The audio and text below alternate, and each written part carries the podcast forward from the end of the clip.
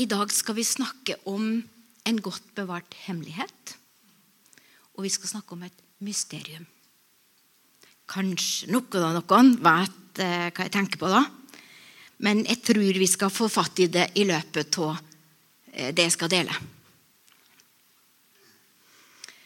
Men i stedet for å starte i første Mosebok, da, så starter jeg i Johannes evangelium. Det òg er litt i begynnelsen. Men du, når du kommer hjem, les første Mosebok. Og så bare fryder du deg litt over det, og så undrer du deg litt over det. Og så tenker du ja, hvert ord som står der, er jo så sant, for det kan du se med dine egne øyne. Realiteten av det. Og forskninga bekrefter jo skapelsen. All forskning viser jo det. Det står bare sånn prikk, prikk, prikk og stjernene. Det, det er en underdrivelse av dimensjoner. Sant? Hadde Jan Tore fortalt noen av stjernene, så hadde han brukt ti setninger minst. Mens der står bare 'Å, stjernene'. Og så er det myriader. Det tar aldri slutt. Ja, nei, nå må jeg ikke begynne på det. Vi skal gå til, Johannes, nei, til Johannes evangelium, kapittel 1. I begynnelsen var Ordet. Og Ordet var hos Gud. Og Ordet var Gud. Han var i begynnelsen hos Gud. Alt ble til ved han. Og uten han ble ingenting til av det som ble til. I ham var liv. Og livet var menneskenes lys. Lyset skinner i mørket, og mørket forsto det ikke. Så står Johannes fram, og han hadde et vitnesbyrd om Jesus. Og han sa det slik.: Dette var det sanne lyset som kom inn i verden, som gir lys til hvert menneske. Og vers 12.: Men hver den som tok imot ham, ga han rett til å bli Guds barn. De som tror på hans navn. De er født ikke av blod, ikke av kjød, ikke av mannsvilje, men av Gud.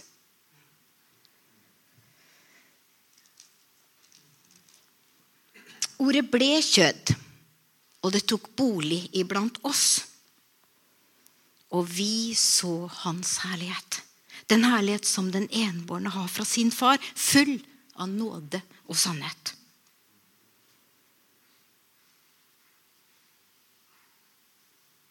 Og så står det i vers 18.: Aldri har noen sett Gud, den enbårne sønn som er i, hans, i fars favn. Han har vist oss hvem han er.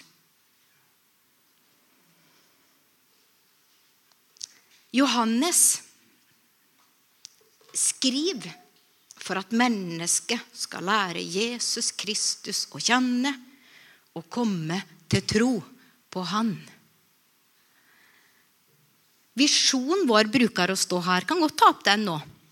Nordvestkirka sin visjon er å gjøre evangeliet tilgjengelig og kjent for vår tid og generasjon, slik at mennesker kommer til tro og blir etterfølgere av Jesus Kristus. I våre vedtekter så skriver vi at menighetens hovedoppgave er å lede mennesker til tro på Jesus Kristus utruste dem til å leve som hans etterfølgere samt å virkeliggjøre evangeliet. Det er det vi har i våre vedtekter som kirke. Det er vår hovedoppgave. Men så er det jo sånn at før du kan gjøre, så må du være. Ikke sant?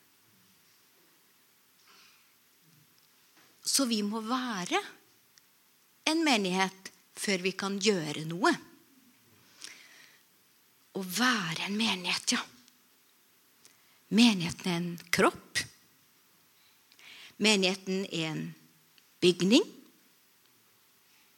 Denne kroppen har et hode. Denne bygningen har en grunnvoll. Og begge deler er Kristus. Vi skal lese litt fra Efeserbrevet. Så nå kommer jeg til å gå litt fram og tilbake i Efeserbrevet.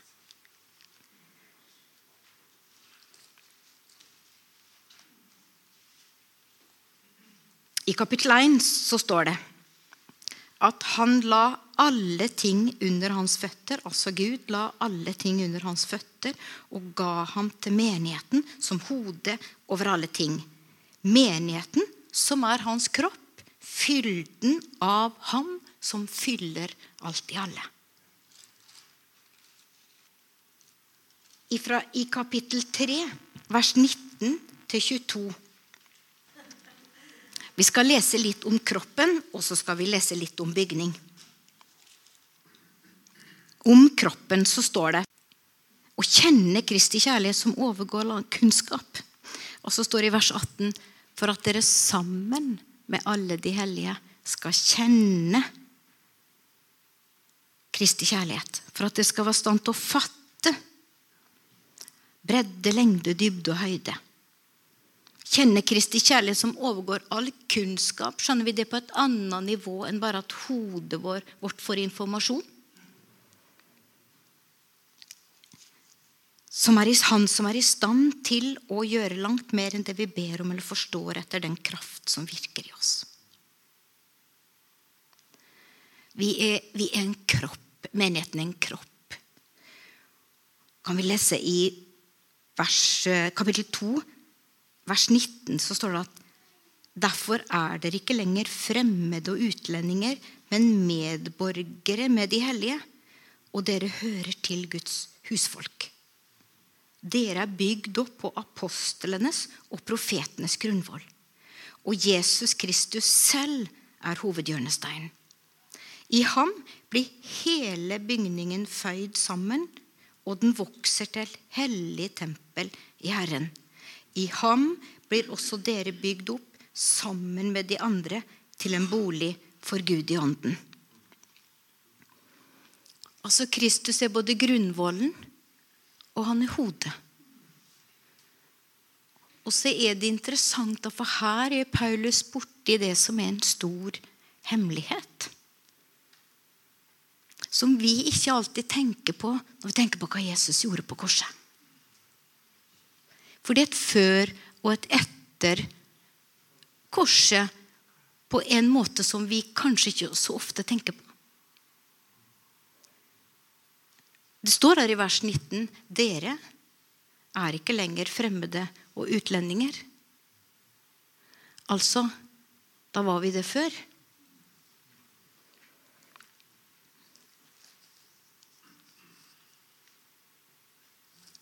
Hvis vi går tilbake til kapittel 2, fra vers 11, 11 og 12, så står det 'Husk at dere' Han skriver til efeserne og, og menigheten i Lilleasia, Paulus. Johannes skrev til jødene. Paulus skriver til menighetene i, i Lilleasia. Og så skrev han 'Husk derfor at dere en gang var født som folkeslag'. Ikke slike som kalles uomskårne av den som er navnet etter den omskjærelse som er gjort på kroppen med hender. Husk på at dere på den tiden var utenfor Kristus, utestengt fra Israels borgerskap og fremmede for løftets pakter. Dere hadde ikke noe håp og var uten Gud i verden. Men i Kristus Jesus er nå dere kommet nær. Dere som før var langt borte. Dere er kommet nær ved Kristi blod. Han har vår fred, han som har gjort dem begge til ett, og som brøt ned skillelinjene som sto dem imellom. Skilleveggen. Det er ikke lenger skille mellom Guds folk, Israel, og Guds folk i menigheten. Tenk det at det Jesus gjorde, han avskaffa fiendskapet på korset. Det står slik Dette gjorde han da han ved sin kropp avskaffa fiendskapet, den lov som kom med bud og forskrifter, for i seg selv å skape et nytt menneske av de, de to, og på den måten skape fred. Slik kunne han også forlike dem begge med Gud i en kropp, ved korset og ved det drepte fiendskapet. Han kom og forkynte evangeliet om fred for dere som var langt borte, og fred for dem som var nær ved. For ved ham har vi begge adgang til vår Far i én ånd. Vi er brødre og søstre, alle mennesker på jorda som tror på Jesus. Fantastisk! Vi var uten håp. Vi hadde ikke del i Israels løfter. De har hatt løftene hele tida. Men så fikk vi del i det.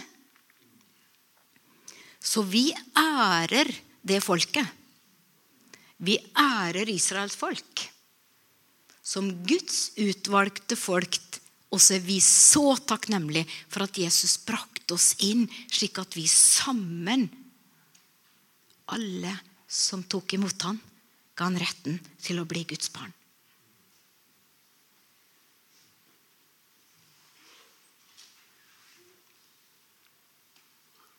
Paulus skriver om hvordan Gud ved åpenbaring gjorde denne hemmeligheten kjent.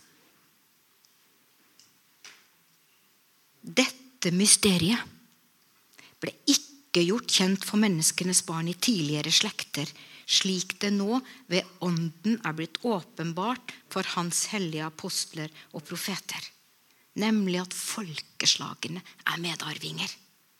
Og de hører med til den samme kropp og har del i hans løfte i Kristus ved evangeliet. Tenk at vi er Guds barn, alle som tror på Han. På hele jorda, uansett opphav, om vi kommer fra det jødiske folket, eller om vi kommer fra folkeslagene. Fantastisk. Vi er Guds kropp på jorda. Så det er noe globalt når vi snakker om uttrykket 'Kristi kropp' og, og, og menigheten som et, en bygning. Det er noe stort over det. Samtidig så er det noe nært. Gud viste oss miskunn pga. sin store kjærlighet. Så ønsker han alle inn. Og så sier Paulus litt forskjellig til folkeslagene lokalt til dem i Efesus og i Lilleasia.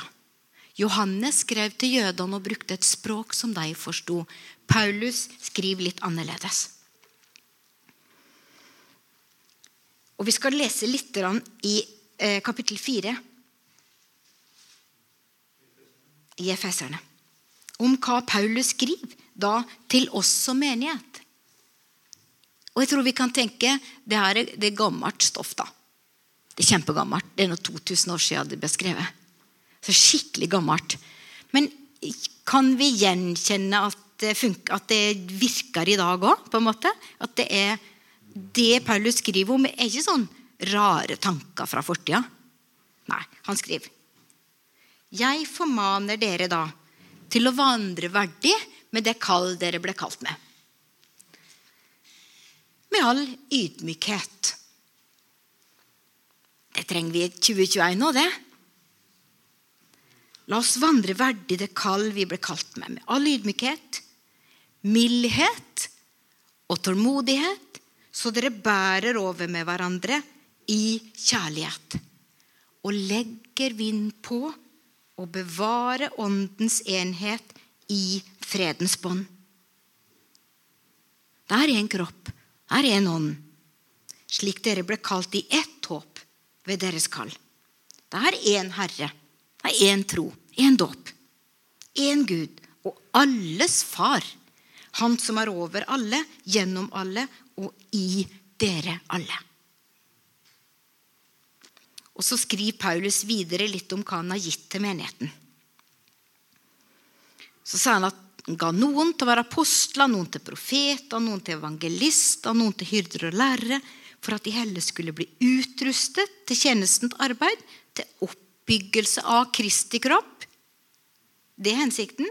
Oppbyggelse av Kristi kropp. Inntil vi alle når fram til troens enhet og kunnskapen om Guds sønn, til manns modenhet, til det vekstmålet som rommer Kristi fylde. For at vi ikke lenger skal være som små barn og bli kastet hit og dit og drives omkring av enhver lærdomsvind, ved menneskets knep, ved listige knep i villfarens kunster. Men sannheten, tro i kjærlighet, skal vi alle ting vokse opp til ham som er hodet Kristus. Det er ut fra ham hele kroppen blir sammenføyd og holdt sammen ved den oppgaven det enkelte ledd har, etter virkningen av den styrke som er gitt hver del. Dette skaper vekst for hele kroppen til dens egen oppbyggelse i kjærlighet. Den totale kroppen blir bygd opp, men av alle delene. Så når vi gir oss til det fellesskapet her til å være del av en kropp, et fysisk uttrykk et sted, for det er vi faktisk Når vi er her nå, så blir vi et fysisk uttrykk for Guds kropp på jord. Her i Hustadvika. Og så er det mange som møtes, men vi er også et fysisk uttrykk. Snakker Paulus om i kjærlighet. Og du vet, kjærlighet det, det er noe litt tøffe greier. Det er ikke det? Du vet, Tara har, hør, Tara har iallfall to prekener nå i høst der han snakka mye om Guds kjærlighet. Eh, bare gå inn og hør på det. Ta imot det. For vi elsker fordi han elsket oss først. Har vi tatt imot det? Ta på din egen maske før du hjelper andre. Sånn? Vi må ta imot Guds kjærlighet sjøl, sånn at vi er trygge der. Da kan vi gi videre kjærlighet. Hvis det ikke, vet du, så kommer du til å syge kjærlighet ut av alle relasjoner. For vi trenger det så. Vi trenger å bli bekrefta, vi trenger å bli anerkjent. Og Hvis vi begynner med å fylle på alt det Gud kan gi oss, så kan vi ta imot det vi trenger eller det vi får fra andre. Men vi er ikke livsavhengige av det hele tida. Skjønner dere hva jeg mener? For fattig det landet. Og da må du være litt glad i deg sjøl. Så det er en god øvelse. Skal du være glad i andre, så må du gi Du kan ikke gjøre noe du ikke er. Sant? Hvis du er glad i deg sjøl, så kan du gi det til andre at de skal være glad i seg sjøl, og du kan være glad i deg. Og så er kjærligheten Vi tenker litt sånn at, Å, en kjærlig menighet. Der er det bare kjekt. Der er ingen uenig, og der er det ikke noe rot. Men da er det litt interessant å lese hva kjærligheten er. For den er tålmodig. Ok, da vil det si at det trengs.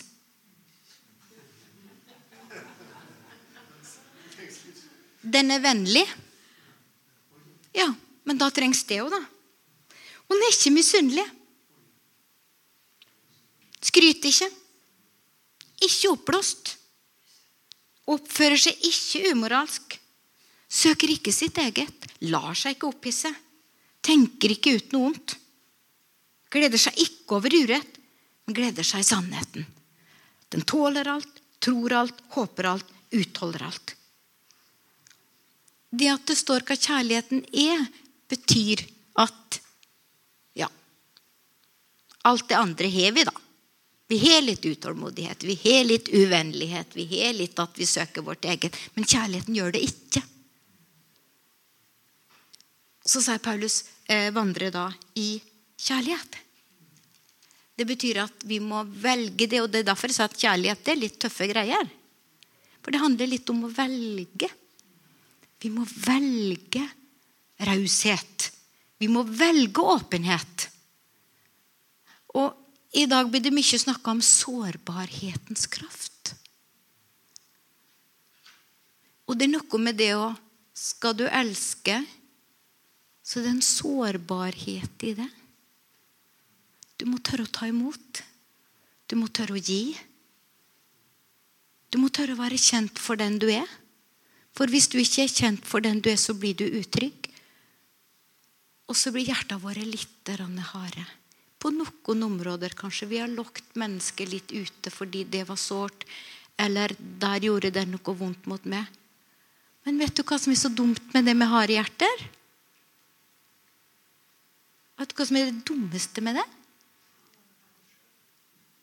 Og så vokser det ingenting der.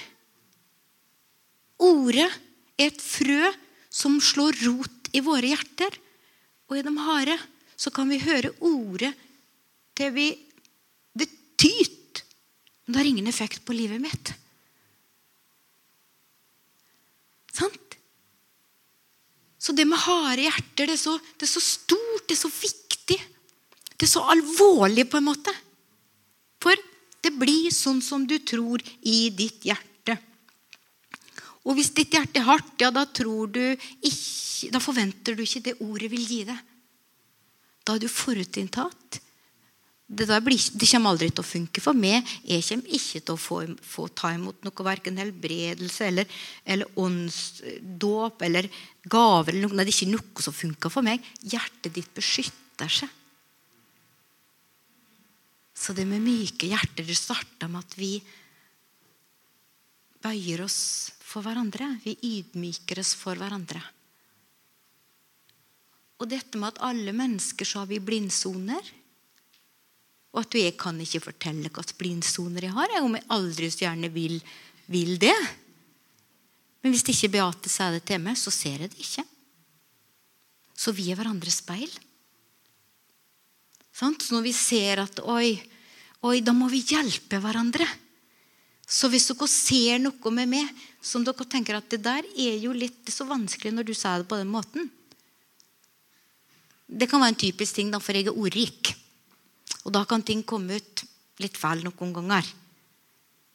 Men så at vi da kan hjelpe hverandre og si at hvis du formulerer det litt slik, så det er lettere å ta imot. Sant? Eller, eh, eller bare det at du har en flekk på skjørtet ditt. For det så jeg heller ikke. Bry oss om hverandre. Bry oss handler det om. Kjærlighet handler om å bry oss på den litt røffe måten. Vi vil ha resultater. Vi vil ikke bare sånn klappe etter håra. De blir, hva kjærlighet er det egentlig? Egenkjærlighet er det. Egoisme. For at jeg orker ikke å ta opp det med deg, for da kanskje du blir lei deg. Og da kanskje du blir sur på meg. Og da kanskje jeg òg blir lei meg. Og så blir hele greia veldig leit. Sant? Vi kommer inn i sånn følelsesgreie. Mens hvis vi snakker sammen og deler hjerter, og vi vil hverandre vel fordi vi vil vokse Dette skaper vekst for hele kroppen til dens egen oppbyggelse i kjærlighet. Så vi trenger hverandre, vi. Sånn? Vi skal jo være én kropp, og er det noe som stikker, for å si det sånn, med naboen, så er det jo greit å Skal vi se litt på den, den tingen der som stikker? Sånn at vi kan jobbe godt sammen. Så vi oppmuntrer oss så veldig til å være ærlige. Det å tenke at det går over, det går jo ikke over. Det blir bare sånn bulka på teppet, og litt lenger fram så snubler vi i det. Det blir en snare for oss. Så herved en oppmuntring til å være veldig ærlige. Men i kjærlighet, selvfølgelig. Del sånn som du har lyst til at andre skal dele med deg. Bry deg slik som du vil at andre skal bry deg. Så må vi komme litt ut av den der at nei, men jeg er ikke feilfri. Men hvis noen prøver å si det, så syns jeg det var skikkelig rart at noen hadde noe å si. Det blir jo litt rart. Sånn? Vi er ikke feilfrie, så fortell, så fortell det til hverandre på en omsorgsfull måte hvis det er noe som hindrer vekst i livet vårt. vel å merke. Og så dekker kjærligheten en mengde med synder og rot. Så det er ikke alt vi trenger pirke borti. Skjønner dere? Ikke, vi, skal ikke være sånn at vi skal være ute etter hverandre. Men hvis vi ser noe i en bror eller søster sitt liv som vi ser at det, det da må du på en måte jobbe litt med, eller kjenne litt på, eller ta imot legedom for, eller tilgi, eller hva som helst, for å komme videre. Sant? Da er det en god kjærlighet som bryr seg. Som tør å ta den. Du, jeg bryr meg veldig om det kan du se litt på det her. Og Paulus han er jo så praktisk, da. når han skriver om å vandre eh, et nytt liv i ånden. Ikle dere det nye mennesket, sa han i vers 24 eh, kapittel 4. Ikle dere det nye mennesket. Så derfor sa han at du kan jo slutte å lyge, f.eks. Det er et godt tips. Du, hvis du blir sint, så skal ikke du synde. Og du skal snakke sant med din neste. Og du skal ikke gi djevelen rom. Den som stjal, skal ikke stjele lenger. Ikke la det komme dårlige ord ut av munnen, men det som tjener til oppbyggelse, for at ordene kan gi nåde til den som hører på. Ikke det et godt uttrykk? Om ordene mine kan gi nåde til den som hører på. Og så snakker han om at la all bitterhet, vrede, sinne, skrik og ond tale. Hender det vi roper til hverandre? Det kan vel hende i familien at vi har ropt litt av og til. Paulus bare sa at eh, La det være. La alt sånt være borte fra dere, sa han. Sammen med all ondskap. Men vær gode mot hverandre. Vær barmhjertig og tilgi hverandre slik Gud har tilgitt dere i Kristus Jesus.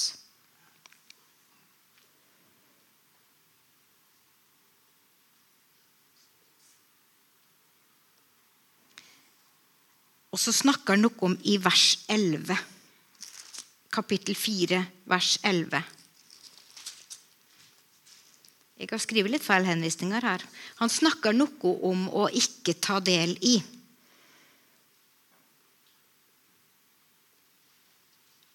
Ta ikke del i Fem vers 11. Ta ikke del i mørkets ufruktbare gjerninger, men avslør dem heller. Du vet, Det er noe som trigger oss, som vekker interesse. Og media veit jo hva det er. Men er det slik at når vi hører, hører liksom at eh, Har du hørt at eh, han har slik og slik? Blir det litt sånn Nei, det har jeg ikke hørt. Få høre. Ta ikke del i, sier Paulus. Ta ikke del i. Avslør det heller. Vi, vi, er litt slik at vi, vi kikker ut på noen ting som på en måte er litt interessante. Hvis det har gått dårlig for noen, eller noen har gjort noe feil, eller, sant? eller noen har begått hor eller umoral så vi, Det trigger oss litt. Oi, er det sånn? Men, men ikke, ikke, ta del i mørkets ufruktbare gjerninger, sier Paulus. Avslør dem heller. Jeg husker pastoren vår når vi var i Bø i Telemark, han Kjell Eriksen. Når vi var unge, så brukte vi at men alle sa slik. Og da brukte han å si Hvor mange? To. Det er noe med det å Hvis alle gjør Det sier vi jo til barna våre. Ja, men alle får lov.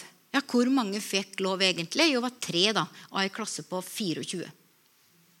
Så vi er litt slik vi, vi, vil på en måte at det vi sier, skal ha gjennomslagskraft. Og da bruker vi av og til litt sterke ord, og så har det ikke rot i virkeligheten. Men det er ufruktbart. Og det er ikke sant heller. Når vi liksom tenker på det sånn. Det er ikke sant heller. Vandre verdig.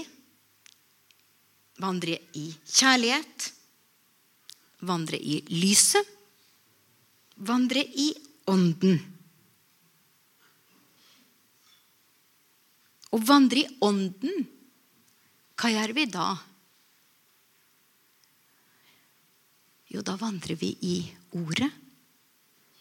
Og så lar vi ordet lede oss i stedet for følelser og gamle tankemønster. Så det å la ordet fornye våre sinn slik at vi kan velge åndens gjerninger, lysets gjerninger, kjærlighetens gjerninger. Og Mammaen min hun bruker å si det så fint når hun syns noe er vanskelig. Jeg bruker viljen min. Var ikke det godt sagt? Jeg bruker viljen min til å velge å gjøre det som er rett, sjøl om det her krever mye av meg nå. Så bruker jeg viljen min.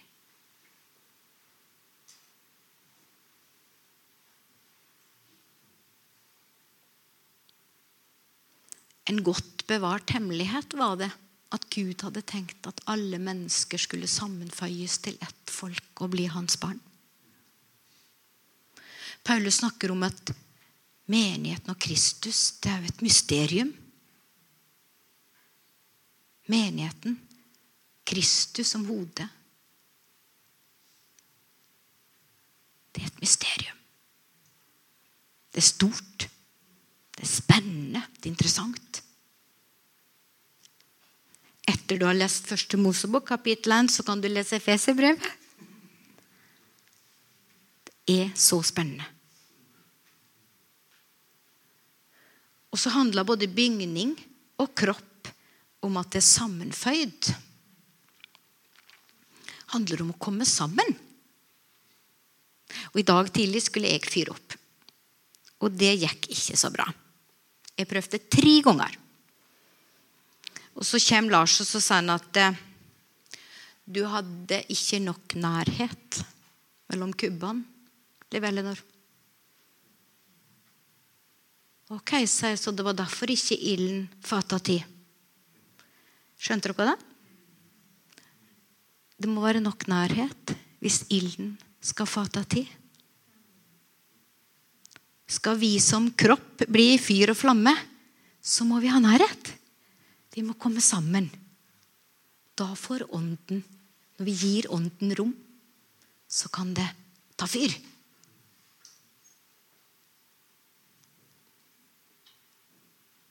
Sammen. Holde sammen. Overgitt til Kristus. Trenger vi å være som menighet, som fellesskap. Og se det her både på et litt eh, lokalt plan og ser på det store bildet. Og når det er på det store bildet, så var det overgitt til Kristus, overgitt til hverandre, så handler det om hvordan vi omtaler våre brødre og søstre i den globale menigheten. Vi har ikke råd vi, til å si noe dårlig om noen andre. Sant? Det er jo å kaste mat til feil lag.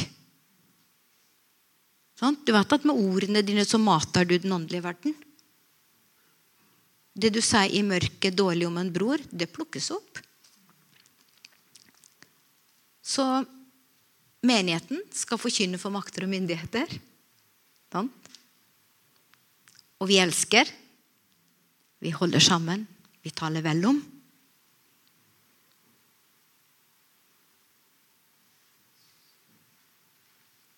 Til slutt så skal jeg lese et dikt. Det er ikke så ofte jeg gjør. Men det heter 'I Kristus'. Og overskrifta på Efeserbrevet kan godt være 'I Kristus'. I Kristus, Kristus i deg. Å være i Kristus, det er forløsning. Men at Kristus får være i deg, det er helliggjørelse. Å være i Kristus, det gjør deg skikket for himmelen. Men at Kristus får være i deg, det gjør deg skikket for denne verden. Å være i Kristus, det endrer ditt bestemmelsessted. Men at Kristus får være i deg, forandrer din målsetting. Det ene gjør himmelen til ditt hjem. Det andre gjør verden til hans verksted. Amen.